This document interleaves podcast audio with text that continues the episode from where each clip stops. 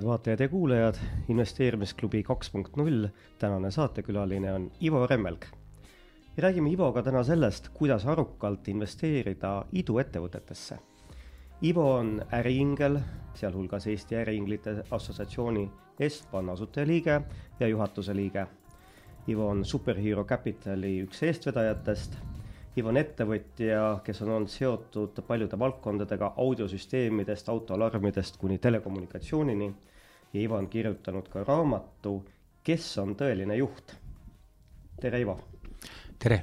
ja meie oleme Markus Roogna ja Paavo Siimann, tänased saatejuhid Ivo, lugedes ette sinu iseloomustust, äh, sa oled olnud väga aktiivne mitmetes valdkondades, äh, tegeled ingelinvesteeringutega, mentordad, kirjutad raamatuid, äh, kuhu su peamine energia praegu läheb? täna läheb energia peamiselt kolme kohta, nagu sissejuhatuses ütlesid, olen Estbani president ja juhatuse liige, siis ma olen Soome varajase faasi riskikapitali fondis venture partner ja sellise oma oma ettevõtmisena äh, teeme sõpradega Romivo hedge fondi, kus äh, spekulatiivsete strateegiatega otsime niisugust äh, double digit tootlust, kolmkümmend protsenti või, või rohkem aasta baasilt. ja seda nii valuutaturgudelt kui aktsiaturgudelt. see on mitteavalik fond sõprade enda varade juhtimiseks peamiselt no mis need ajalised proportsioonid on, et kuidas sa jõuad nii paljudega tegeleda, et palju uneaega on ja palju siis muude tegevuste jaoks läheb? no õnneks Estbanis on ka palgaline tegevjuhtkond, kogu juhatus ja, ja presidendi töö on vabatahtlik, nii et sinna, sinna liiga palju ei lähe. ütleme ajaliselt kõige rohkem täna ikkagi kulub startup'ide otsimise ja, ja deal flow'ga töötamise peale Äh, eks see natukene sõltub, äh, mul enda jaoks on äh, pandud nagu selline nii-öelda nägemus, et, et ma teen, tegelen sellega, mis kõige rohkem raha pikas perspektiivis sisse toob, eks ole, et nii, et, nii et see töömaht võib muutuda ühest valdkonnast teise siis nagu Paavo ka sissejuhatuses põgusalt mainis, et sa Äh, oled tänaseks juba jõudnud tegeleda nii mitmes, äh, mitmeski valdkonnas.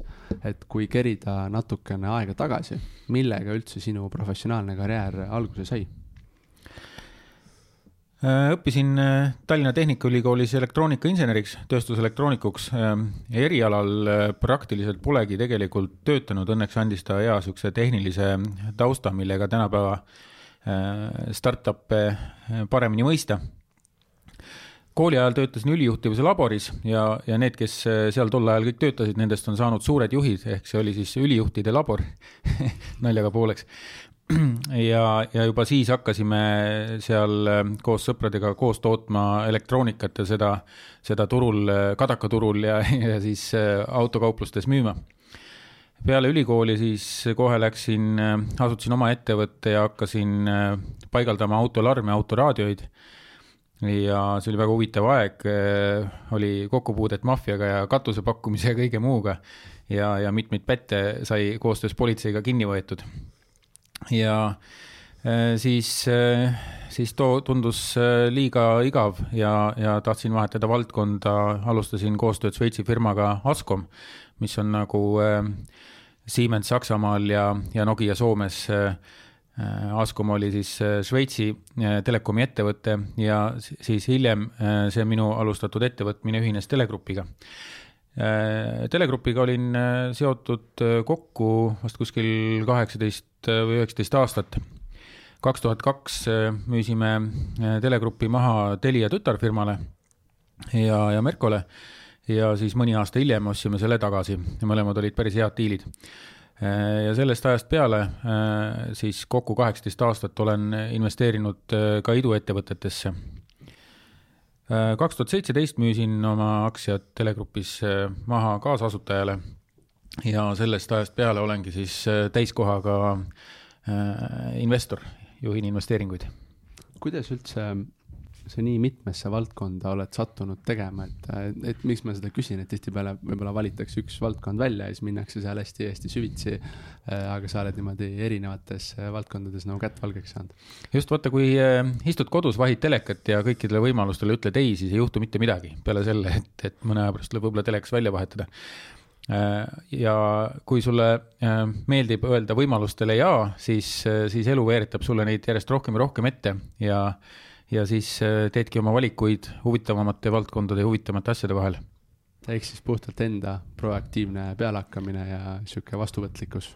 igal, igal juhul jah, ma oma lastele olen ka öelnud, et kui, kui äh, õpetaja tuleb, tuleb ja küsib, et kes tuleb mulle appi toole tõstma, siis eh, igal juhul tasub, tasub tõsta käsi üles ja mine tea, mis sealt eh, tulla võib. mina sattusin niimoodi kooli ajal eh, lihtsalt sellepärast, et tõstsin käe ülesse, sattusin oma diplomitööd tegema Soomesse. aga noh, tol ajal noh, riik just nagu avanes ja, ja, ja esimesed, esimesed said sõita välismaale, et see oli päris vahva väga head äh, põhimõtted juba saate esimestel minutitel.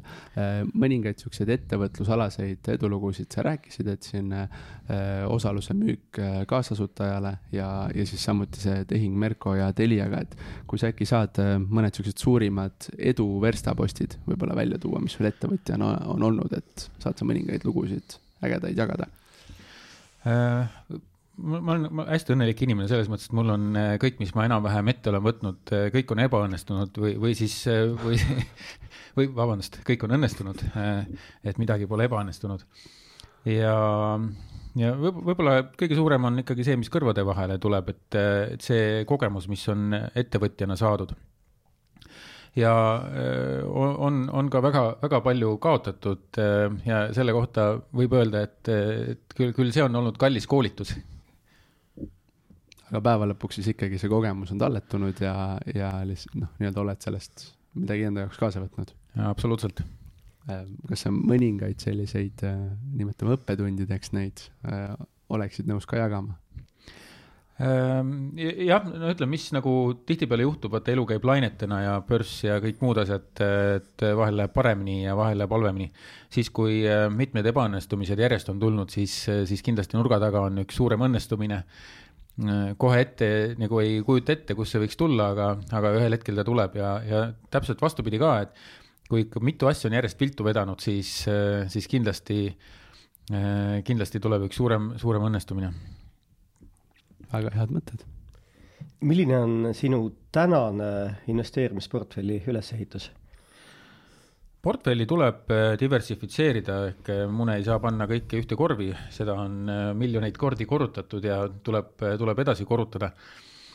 et enam-vähem võrdsetes osades on täna nii kinnisvaras, iduettevõtetes kui ka siis Romivo poolt hallatavas fondis ja börsil kaubeldavates aktsiates ja ETF-ides.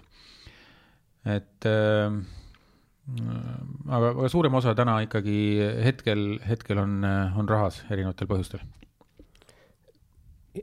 kui suur see portfell on, kui see saladus pole? Äh, olen, olen seal Äripäeva rikaste topis ka esinenud, ma arvan, et see, see on umbes, umbes, umbes õige, mis seal on toodud.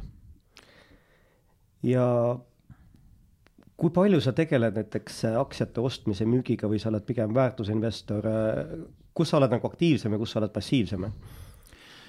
just äh, börsil aktsiatega kauplemise poole pealt ma arvan, et äh, täna on äh, börs läinud niivõrd spekulatiivseks, et seal nagu tava või jaekaupleja teadmistega pigem kaotab raha et selliseid investoreid väga oodatakse sinna, sest need, kes raha oskavad teha, nendel on vaja kellegi pealt teenida.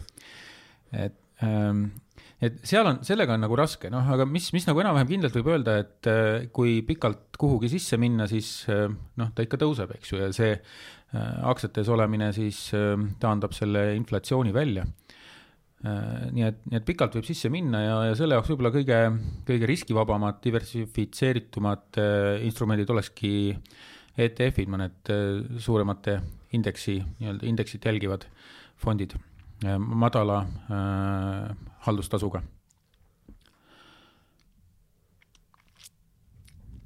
millised on veel sinu investeerimispõhimõtted, et ütlesid, et oled praegu palju rahas, ma saan aru, rohkem rahas kui tavaliselt? jah, jah. mis põhjusel? hiljuti oli üks exit just et ei ole jõudnud veel? ei ole jõudnud ära kulutada nii et on äh, raha turule juurde tulemas? Äh, et eel, eelmine, eelmine suurem exit äh, seal ütleme, oli raha peaaegu enne kulutatud, kui, kui ütleme, paari kuuga oli raha läinud põhimõtteliselt kõik, et aga, aga need ei olnud ka nagu halvad, halvad investeeringud, et et see on, see on ikka nii, et, et, et võima-, võimalused presenteerivad siis, kui, kui, kui sa neid kõige rohkem ootad. iduettevõtete juurde või selle protsessi juurde tuleme pikemalt ju tänase saate kõikides osades, aga enne veel seda, et eh, miks just see kasvuvaldkond ja need iduettevõtted, et eh, miks nad sind kõnetavad, et võiks ju aktsiate ja, ja kinnisvara najal ka oma portfelli üles ehitada? Äh, kinnis, kinnisvara on tegelikult põhimõtteliselt suhteliselt aeglase kasvuga või noh, eks, eks iga valdkond tegelikult äh, nõuab äh, professionaalset tegutsemist, äh, kinnisvara samamoodi, mina ei ole seal professionaal, et minu kinnisvaraportfell eelkõige koosneb sellest, mida ma iseenda jaoks nagu kasutan või minu vanemad või.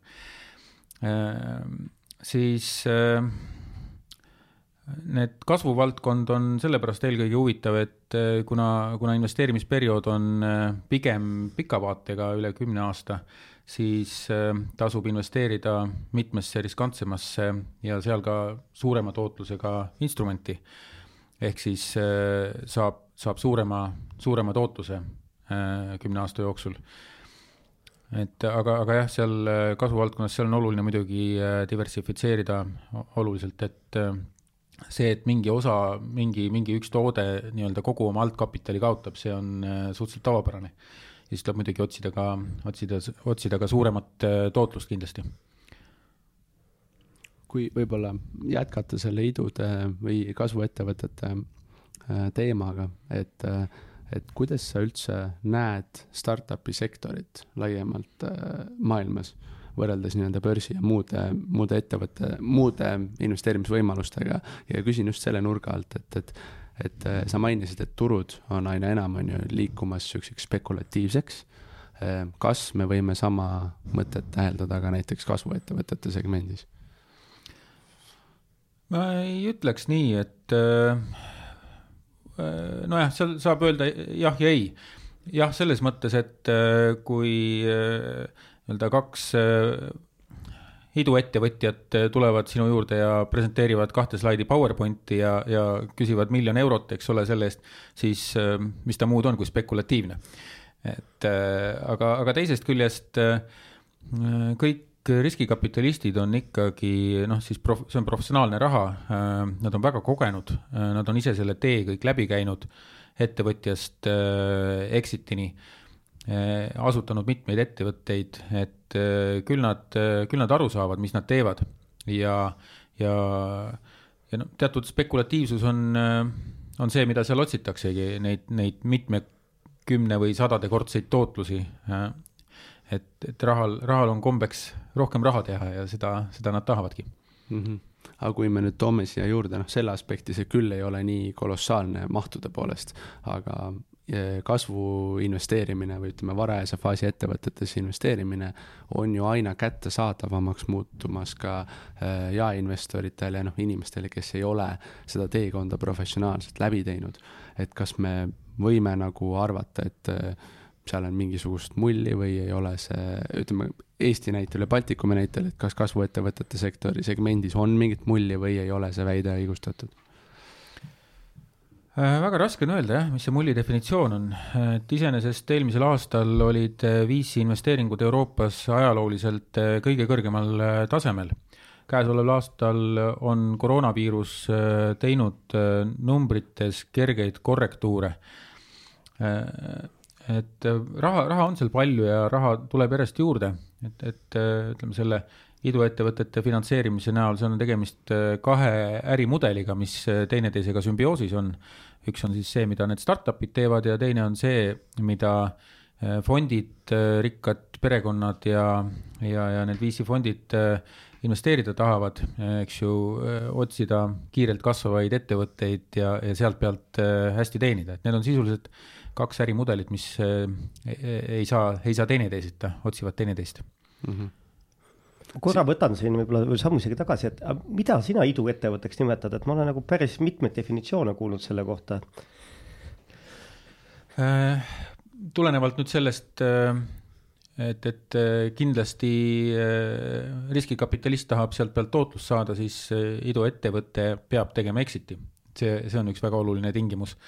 teiseks, kuna seda investeeringut tehakse väga kõrge väärtuse pealt, ehk siis sisuliselt tuleviku väärtuse pealt, siis ta peab ka väga kiiresti kasvama, et seda, seda väärtust õigustada mis tähendab siis äh, ühtlasi ka, et see ärimudel peab olema skaleeruv, et, et see, sel peab olema võimalus suurelt kasvada, see peab olema suure, suure turu, turupotentsiaaliga.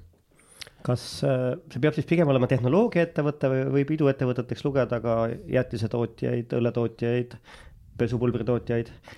ta nüüd äh, sõltub natukene, et kui mu ärimudel on pesupulbri tootmine, siis tõenäoliselt mitte, aga kui, kui seda on kuidagi võimalik äh, kiirelt skaleerida ehk läbi äh, frantsiisi, noh näiteks nagu McDonalds tegi, siis võib seda iduettevõtteks nimetada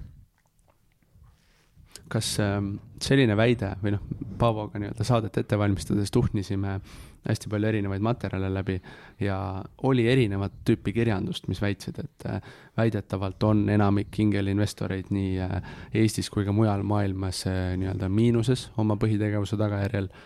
samas noh, siis on ka võib-olla mingisuguseid muid, sul on võib-olla mingit muud infot jagada, et kui võtta niisugune keskmine, kuidas siis ikkagi nagu selles segmendis tegutseda on, et kas valdavalt tehakse seda kasumlikult või on see niisugune sotsiaalprojekt? sotsiaalne komponent peaks seal kindlasti olema, sellepärast et äh, see tõepoolest, äh, investor võib jääda oma investeeringutega miinusesse ja see oleks ju väga kurb. aga kui ta ütleb, et äh, ta sai sellest väga palju uut teadmist juurde, siis see võib-olla ei olegi miinus aga, aga rahaline komponent on kindlasti tähtis ja seal on väga raske statistikat teha, sellepärast et esiteks, äh, kui ma hakkan äh, Inglina omale portfelli ehitama, mis siis koosneb, ütleme, kahekümnest, kolmekümnest ettevõttest või investeeringust, iga aasta teen äh, kaks või kolm investeeringut, eks ole, siis mul läheb sellega vähemasti kümme aastat aega. ja teine asi on siis see, et, et, et ka need ettevõtted, kuhu ma investeerin, nendel võtab aega kümme kuni viisteist aastat, et jõuda exit'ini. Ühesõnaga siis esimesest investeeringust sisuliselt me peaksime mõõtma äh, kakskümmend viis aastat, eks ole, et, et saada äh, täpselt äh, analüütikat selle investeering, investeeringuportfelli kohta. Selles mõttes on väga raske öelda. Ja, ja esimestel aastatel loomulikult ma olen miinuses, eks ole, et, et, et pooled investeeringud üldjuhul varajases faasis lähevad aia taha. ja, ja, ja kui ma teen eks ju, kakskümmend investeeringut, siis noh, võib öelda, et kümme, kümme nendest läheb aia taha, eks ju mm. -hmm. see on, see on nagu täringu viskamisega, eks ju, et, et sul võib tulla viis korda järjest kuus, eks ole, ja siis viskad kakskümmend korda, ei tule ühtegi korda kuus, et äh, millal need juhtuvad, iial ei tea. ja kui äh, alustad ingelinvesteeringutega, siis esimesed investeeringud on kindlasti ebakvaliteetsemad kui äh, hiljem tehtud investeeringud. et mhm. ajas ka õpib ja täpselt samamoodi nagu iga teise investeerimisega, kus äh, Äh, ebakompetentsusel ei tohiks lasta vohada, eks ole mm, -hmm. siis äh, ka, ka ingelinvesteeringutes äh, on vaja õppida selleks, et teha vähem halbu investeeringuid, aga täiesti nii-öelda ainult nagu häid investeeringuid teha ei ole ka võimalik, et seal ka valitseb selline Pareto printsiip, et umbes kakskümmend protsenti investeeringutest toob kaheksakümmend protsenti sinu tuludest mm. -hmm. sinu kogemusel, mille mille poolest on need esimesed investeeringud ebakvaliteetsemad? kas sinu kogemusel või, või mida sa kõrvalt näinud oled? ei, see on praktiliselt kõigil, et äh, noh, väga, väga ütleme, niisugune kindel muster, mille ohvriks ma ka ise olen langenud, on, on see, eks ole, et et sa oled teinud oma põhitööd nii-öelda kakskümmend neli seitse, eks ole, unetundide arvelt ja, ja siis mingil hetkel saad selle sealt hea exit'i või, või, või, või, või jõuab see ilusti mõnusasti kasumisse, eks ole, ja siis siis ähm, tuleb sinu juurde keegi ja ütleb, et kuule, et mul on jube hea äriidee, et tule finantseeri natukene ja siis vaatad, et noh, näe, mul siin on vaba raha paar miljonit, et noh, paneks nagu siis sellesse ettevõtmisse, eks ole, mis on nagu äärmiselt vale. arvestades seda, et äh, pooled investeeringud lähevad metsa kergelt, eks ju, et, et panna väga suur osa oma vabast kapitalist äh, ühte ettevõttesse. aga seda on küllaltki palju nagu esinenud, et äh, et, et noh, loomulikult, kui sul nagu seisab kontol sada miljonit, noh siis pole vahet, eks ju, et, et mm -hmm. siis sa saad seda investeeringuid veel jaotada, aga, aga mõistlik jah, ütleme, et, et äh, vigu vältida oleks äh, mõistlik äh, teha portfell kahekümnest, kolmekümnest ettevõttest ja, ja nendesse igasse ühesse investeerida enam-vähem äh, sama suur summa mm. -hmm. et, et, et kui ütleme, portfellis on näiteks üks investeering, mis on kakssada tuhat ja, ja siis on kakskümmend investeeringut, mis on viis tuhat, eks ju, siis äh, tegelikult sul ei ole portfell diversifitseeritud mm. -hmm. ja, ja ma võib-olla rõhutaks seda mõtet ka, mis sa nii-öelda vastuse alguse poole tõid välja, et tegelikult võib-olla klassikaline jaeinvestor, väikeinvestor on harjunud aastapõhiselt kohe alguses on ju oma tootlust äh, lugema, et on see siis dividendi tootlus või palju aastaga minu Tallinki aktsia tõusnud on.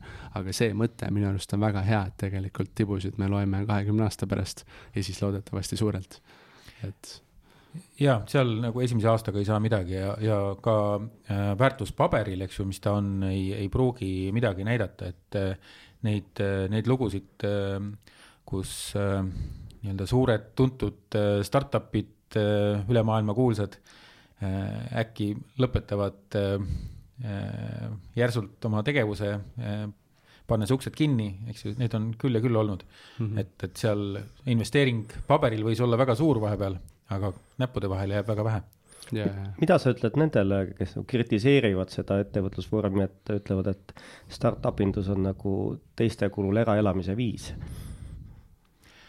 Ehm, noh, sellest me natukene enne rääkisime ka, eks ju, et, et siin on kaks ärimudelit, et üks on see, mis äh, professionaalsel äh, riskikapitalistil on, eks ju, kes otsib oma rahale tootlust. ja, ja teine on siis sellel äh, iduettevõtjal, kes teeb, teeb toodet siis nendele sisuliselt, nendele riskikapitalistidele.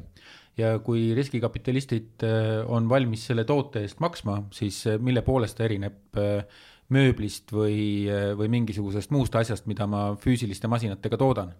raha tuleb samamoodi mm. -hmm. ja raha ei ole idusektorisse mitte vähe tulnud yeah.. Millega seletada nüüd, et Eestis minule teadaolevalt sel aastal on kõige rohkem iduettevõtteid moodustatud. mis seda põhjustab? kindlasti need otsused, mida valitsus tegi üheksakümnendatel Eestit arendades, Eestist on tehtud väga hea ärikeskkond Äh, me peame seda hoidma ja edasi arendama, me ei tohi noh, ütleme, kui me oleme sportlasena teel olümpiale, siis äh, ja juba Euroopa meistrivõistluse võitnud, eks ole, siis pole mõtet rahastust ju maha võtta, eks ole, ja me peame ikka toetama edasi seda sportlast, et ta jõuaks olümpiale ja võita, võita nii-öelda äh, medalid maailmameistrivõistlustel.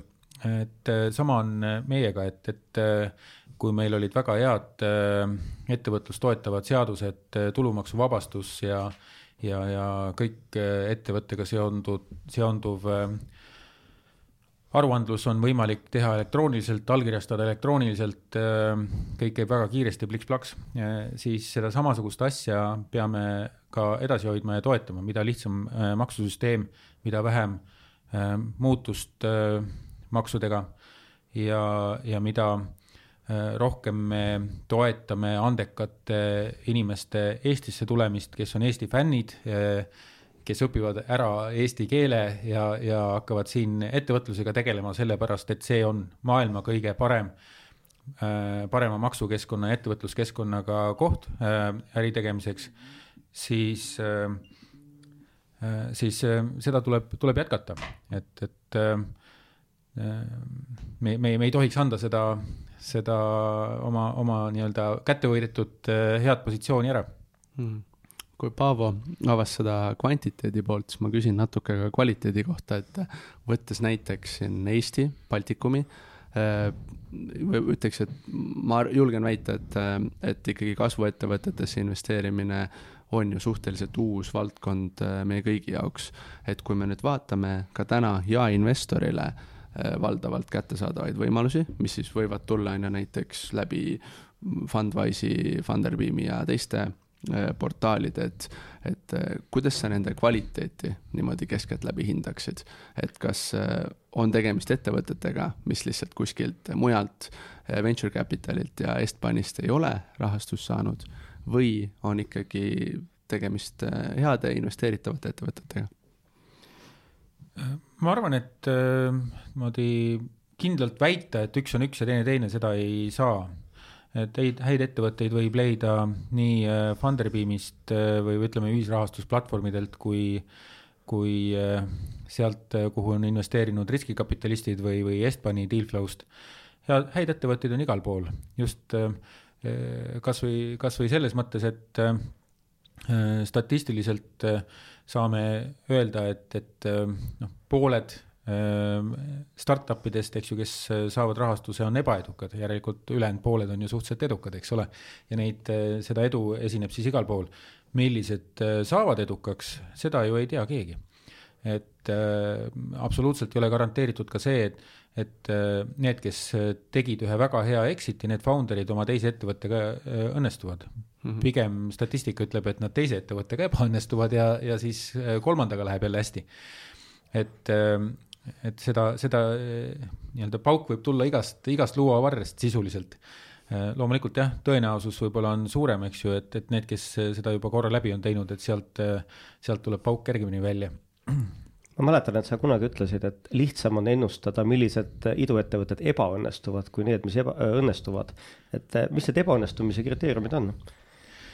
Äh, jah, seda, seda kindlasti, et, äh, et, et äh, on, on teatud asjad välja kujunenud, mida pea kõik riskikapitalistid jälgivad, mis viitavad ebaõnnestumisele. näiteks kui on mitu founder'it, siis see ne-, nemad õnnestuvad äh, lihtsamini kui üksik founder. et seal on oma, oma seletus ka taga, miks see, miks see nii on. ja ütleme, kui on äh, nii-öelda kodu ei ole korras ehk ei ole õiget dokumente tehtud asjadele, IP ei ole korras, eks ju, ja noh, suur segadus, siis tõenäoliselt noh, suure segadusega ka suurt ettevõtet ei kasvata. Äh, siis Äh, kui äri, ärimudelil unit economics ei pea paika ehk, ehk kulud äh, nii-öelda uue kliendi leidmiseks on suuremad kui temalt saadavad tulud, siis ka ilmselgelt väga kaua sellise ettevõtmisega ei ratsuta.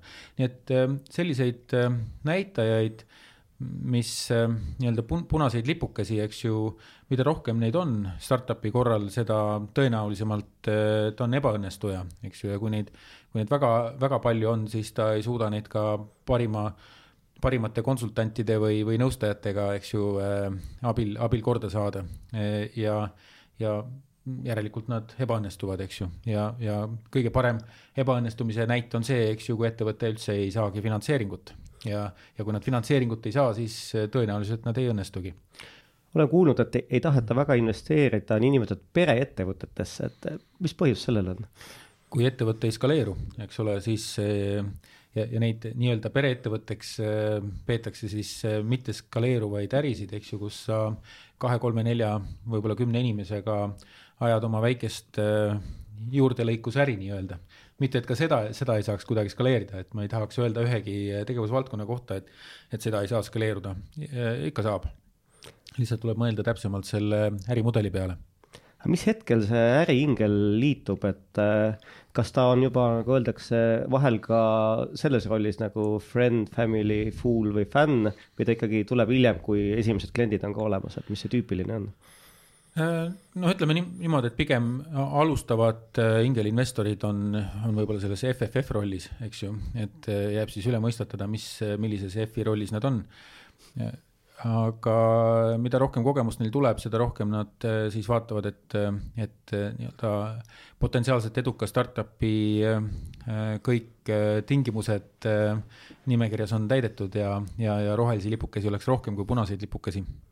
Millise F-i rollis sina oled kõige rohkem olnud? oi, ma olen iga F-i rollis olnud, et äh, praegu mul laps teeb õpilasfirmat ja seal ma olen selles äh, family rollis äh,. ja, ja äh, olen olnud ka selles äh, fool'i rollis ja, ja sõbra, sõbra rollis, et, et, et kõik rollid on, on läbi käidud. kas ka edukalt äh,? ja ma arvan, et mu äh, poisi äh, äh, kooli äh, nii-öelda see startup on, on praegu äärmiselt edukas. et neil, neil läheb väga hästi. tuleme nüüd tulevaste ettevõtjate juurest tänaste juurde, et kuidas inimesed jõuavad ühe äriinglini, et kas nad lihtsalt saadavad e-posti, paluvad e-kirja, paluvad kokkusaamist, tulevad Estbani, kuidas see käib nagu, et kuidas jõutakse äriinglini? Seal on äh, mitu teekonda, üks võimalus on see, et kui toimub mingisugune äh, startup'i üritus, kas siis äh, Latitude viiskümmend üheksa, Startup Day või Ajujaht, et siis paratamatult nad selle käigus puutuvad äriinglitega kokku. teine variant on see, et võtab otse näiteks Estbaniga ühendust või, või kui tal mõni nii-öelda tutvusringkonnas on mõni äriingel, siis tutvustab oma idee, ideed talle ja, ja see omakorda siis ülejäänud äriinglitele et need on, need on need põhilised, põhilised viisid. ja kui sa oled need kaks PowerPointi nüüd kätte saanud, see kõige esimene asi, mida sa vaatad? Äh, kõige esimene asi, ma vaatan, äh, eks mul on oma põhimõtted äh, näiteks, kuhu piirkonda ma investeerin, et ma täna eelkõige Inglina investeerin Eestisse, fondina investeerime Baltikumi ja Soome ettevõtetesse et kui nad ei ole Eesti ega Baltikumi, või tähendab Baltikumi ega Soome ettevõte, siis, siis tõenäoliselt äh, ma ei hakkagi rohkem süvenema. teiseks see, et äh, kas nad on õiges faasis minu jaoks, ega nad ei ole liiga varajased, et, et kas on juba mingisugune äh, nii-öelda kliendid oma rahaga või, või, või oma nii-öelda subscription'iga hääletanud selle startup'i poolt ja kas on näha seal mingisuguseid kasvuilminguid ja, ja et kas unit economics on paigas ja kas on hea tiim. Ja siis ma tõenäoliselt äh, räägin nendega ja siis äh, arutame partneritega. kui võtta nagu kolm sammast, meeskond, toode või teenus ja turg, millega kõige rohkem ebaõnnestutakse? seda on, äh, seda on raske öelda, tõenäoliselt äh, ütleme, kõige kriitilisem on ikkagi meeskond, et, äh, et kui toode oli vale või, või turg ei sobinud, et siis hea meeskond teeb kiirelt muudatused ja, ja paneb, paneb asjad sobima. kui tihti see juhtub, et tullakse nagu alguses ühe ideega ja suht kiiresti see hakkab muutuma selle iduettevõtte arenemise käigus? ma olen kuulnud kuskilt kedagi ütlemas, et et eh, iga eduka startup'i esialgne pitch ei olnud see, mille, millega nad edukaks said. nii et, nii et eh, võib öelda, et pigem see muudatus on tavapärane. aga sellel Ingel investoril, noh, olles ka vaadanud näiteks seal Estbanis neid esitlusi, et noh, tegutsevad nii erinevates valdkondades, et no sa ei suuda ju kõiki valdkondi tunda ja öelda, et kas seal on turgu või mitte, et kuidas sa siis lähtud sellest, kui sa niimoodi pimedas toas oled? väga õige, mõnesse valdkonda siis ei saagi investeerida või siis tuleb loota sõbrale.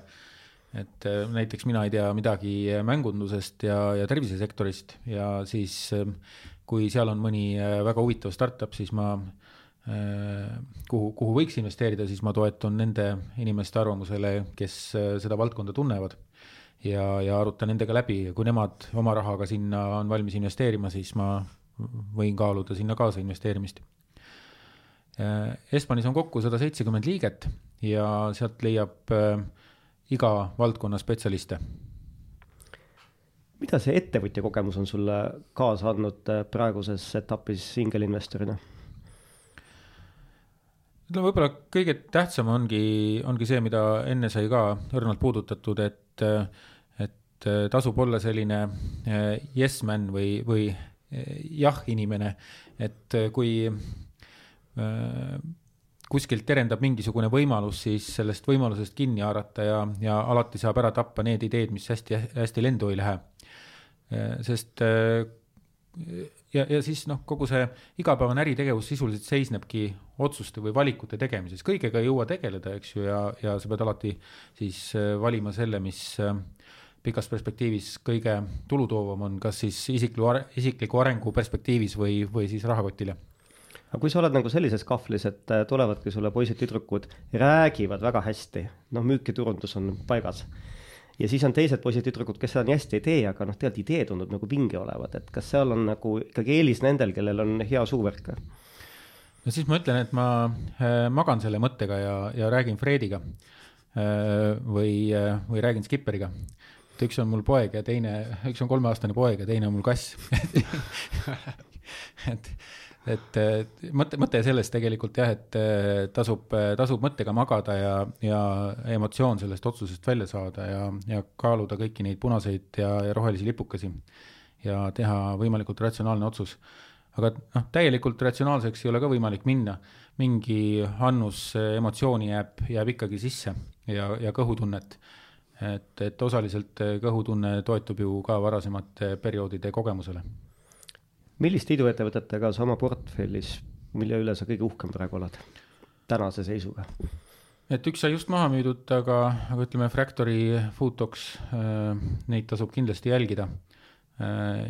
ja äh, võib-olla niisuguse uue, uue tulijana Corsi. Need, need on viimased sellised lisandused minu portfelli. ja kõige suuremad õppetunnid õppetunnid siis millega seoses? iduinvesteeringutega?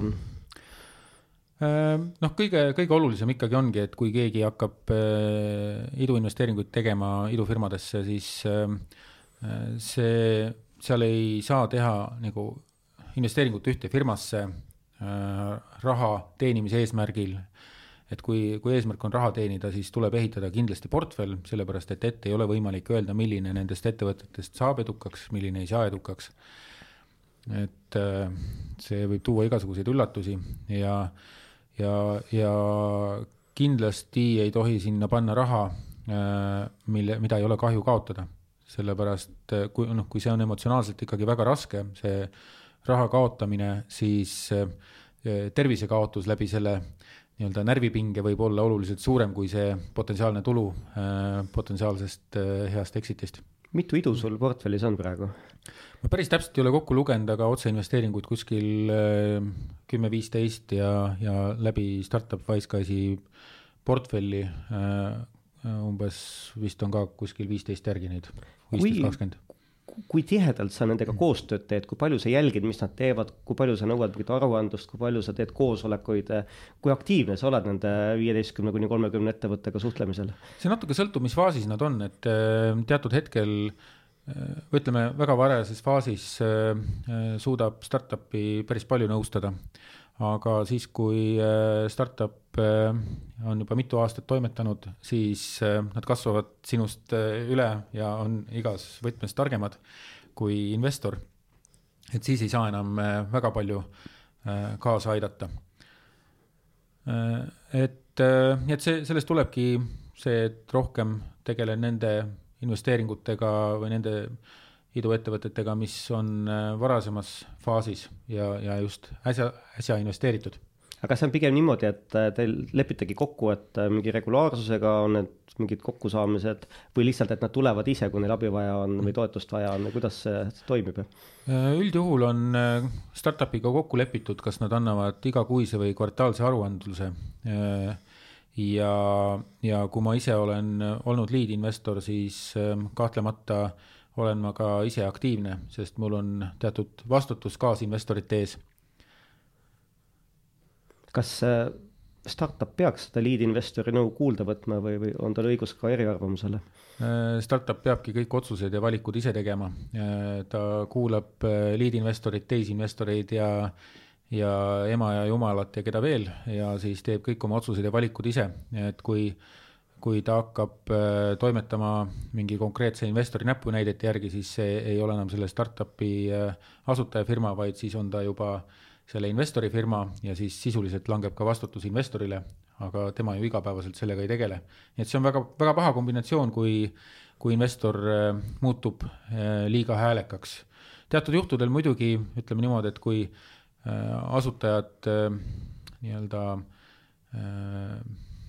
näiteks äh, üritavad teha ebaseaduslikke samme, eks ole, siis äh, lead-investor õigel ajal jaole saab äh, või, või investor üldse. ja, ja neid korrale kutsub, siis loomulikult on see koht, kus founder võiks seda, seda nõuannet kuulda võtta.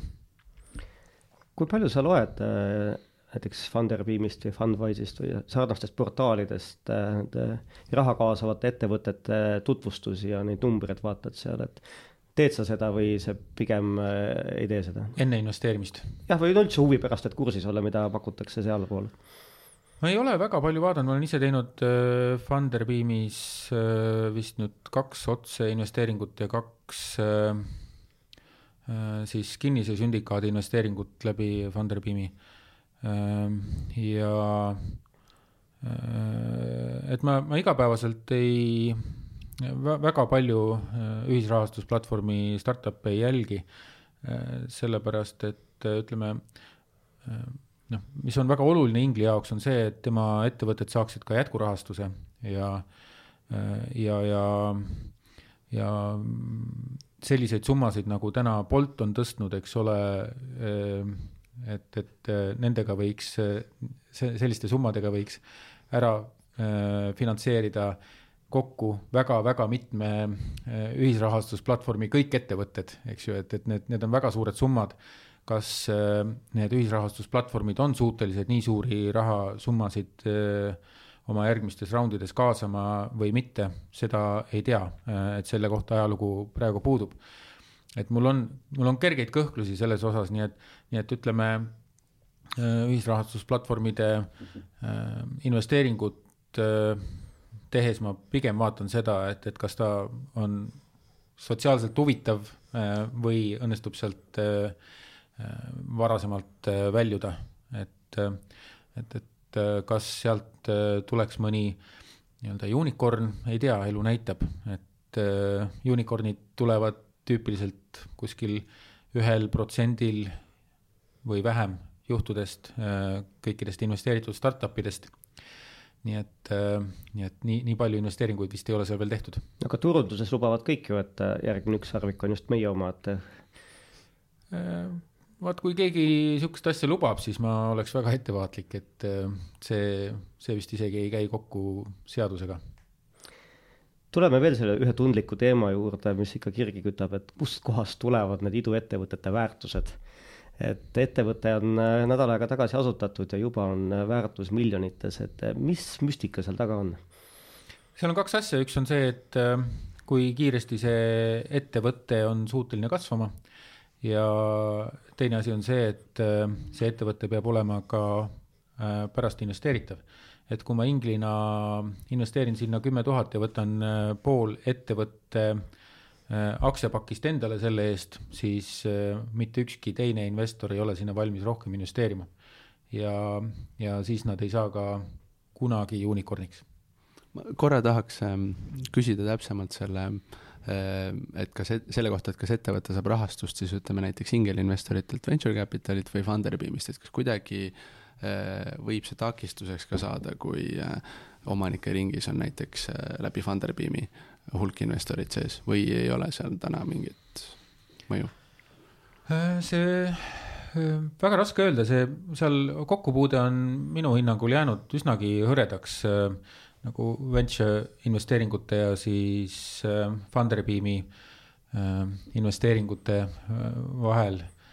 et kui ma ei eksi, siis mingisugune asi osteti vist Fundwise'ist välja ja mis sai siis hiljem venture raha. aga ma, ma väga täpselt ei ole analüü-, analüüsinud, et noh, probleemiks mõned investeeringud tõenäoliselt on Funderbeamis liiga kõrge valuatsiooniga, et professionaalne investor ei oleks investeerinud sinna sellistel tingimustel, et seda võib kindlasti esineda. ja ja mis ma oma peas veel mõtlesin, mis ei pruugi olla tõsi, et äh, mõned riskikapitalistide poolt investeeritud ettevõtted hoiavad väga kiivalt salajas nii ettevõtte väärtust kui igasuguseid majandusaruandeid. Ja kui seal on väga palju omanikke läbi ühisrahastusplatvormi ja, ja sealkaudu peab ka äh, raporteerima, siis äh, siin võib tekkida väike konflikt, et, et kui, kui äh, suured investorid ei taha, et info läheks laia maailma, eks ole, et siis mis nad siis teevad, noh, üks võimalus on kindlasti osta need väikeinvestorid välja näiteks mm. -hmm. miks nad ei taha, et mida nad kardavad, et? ei oska öelda, konkurents äkki ja, ja, ja siis teine, kuulates nii-öelda teie juttu siin enne, et, et tiimil on väga suur roll ja ma olen vaieldamatult nõus sellega, et Äh, ja sa ise mainisid ka, Ivo, et, et äh, sa ikkagi oma portfelli ettevõtetega või potentsiaalsete portfelli ettevõtetega pead nii-öelda vestlusi maha ja siis pärast kas siis äh, pojaga või kassiga pead veel jätkuvestluse maha, on ju. et milliseid siukseid kriitilisi küsimusi või teemasid sa katad potentsiaalse portfelli ettevõttega, kes siis tuleb sinu käest finantseeringut küsima? et äh ja eks ma siis püüan need rohelised ja punased lipukesed kõik välja selgitada. et see, see nimekiri, nimekiri nendest asjadest, mida kõike vaadata ja arutada, on, on päris pikk. Et äh, võib-olla jah, kõige, kõige olulisemad ongi aru saada sellest tootest ja turust ja kuidas nad seda, seda turgu, turgu saavad. ja et äh, unit economics oleks paigas ehk äh, kliendi leidmise kulud kordades väiksemad kui kliendi poolt saadav Äh, tulu.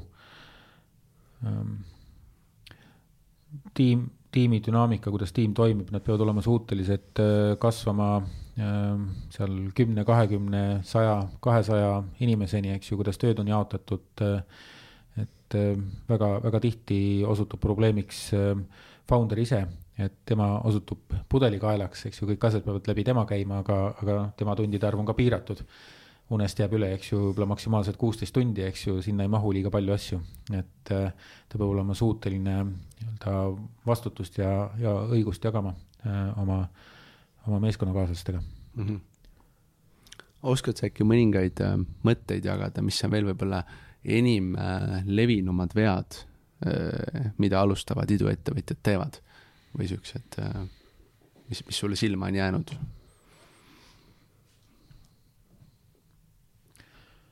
Ehm, võib-olla üks kõige suuremaid äh, vigu on see, et äh, nad äh, võiksid, võiksid rohkem siis oma, oma mõtetest ja, ja ideedest rääkida teistele ja, ja neid mõtteid valideerida teiste peal.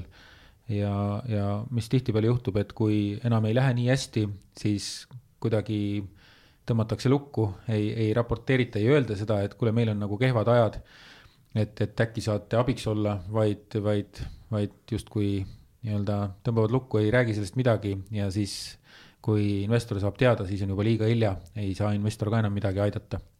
et seda on äh, mõned korrad olnud näha mm. -hmm.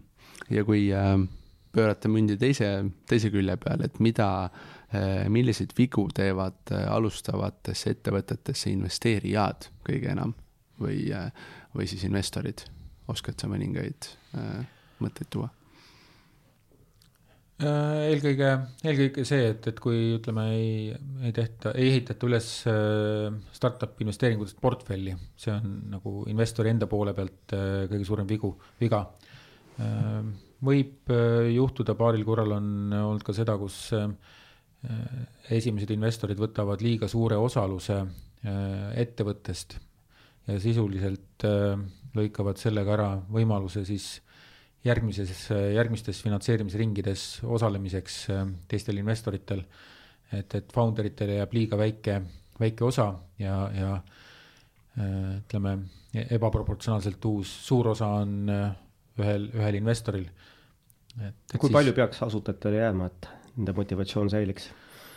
seal on erinevaid, erinevaid niisuguseid variante, et kuld, kuldlõige võib-olla on kuskil ütleme, seitsekümmend, kaheksakümmend protsenti A-raundis võiks jääda veel alles neile nii-öelda ettevõttega igapäevaselt seotud inimestele.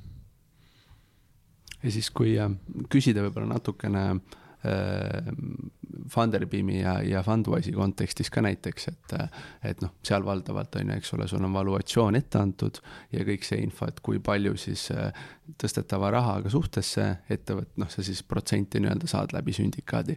et äh, oskaksid sa äkki äh, investoritele sellistes tingimustes ka mingisuguseid soovitusi anda, kes, kus noh, neil ei ole, on ju, seda arutelu, et, et okei okay,, ma annan sinule nii mitu tuhat või miljonit eurot ja siis ma saan vastu nii palju osalust, et seal on see Funderbeamis justkui lead investori ja, ja, ja ettevõtte vahel juba kokku lepitud?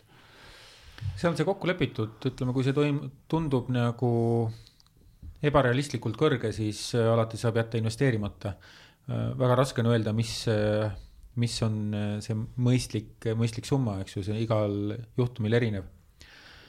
aga noh, teisest küljest vaadates jällegi ütleme, kuna Funderbeamis saab pärast kaubelda nende aktsiatega noh, nii-öelda aktsiatega, siis, siis see liiga kõrge valuatsioon ei pruugi olla ka probleem, eks ju, kui ma saan eh, kahekordse kasvu pealt, eks ju, oma aktsiad näiteks maha müüa ja, ja sellega ikkagi korralikult teenida mm. -hmm aga loomulikult peab vaatama ka likviidsust, eks ju, et kui ma investeeringuna Funderbeamis näiteks panen sada tuhat, siis, siis seda eh, maha müüa võib olla päris suur tegemine mm. -hmm head mõtted. Paavo, sul olid mõned küsimused äh, võimaluste, investeerimisvõimaluste osas?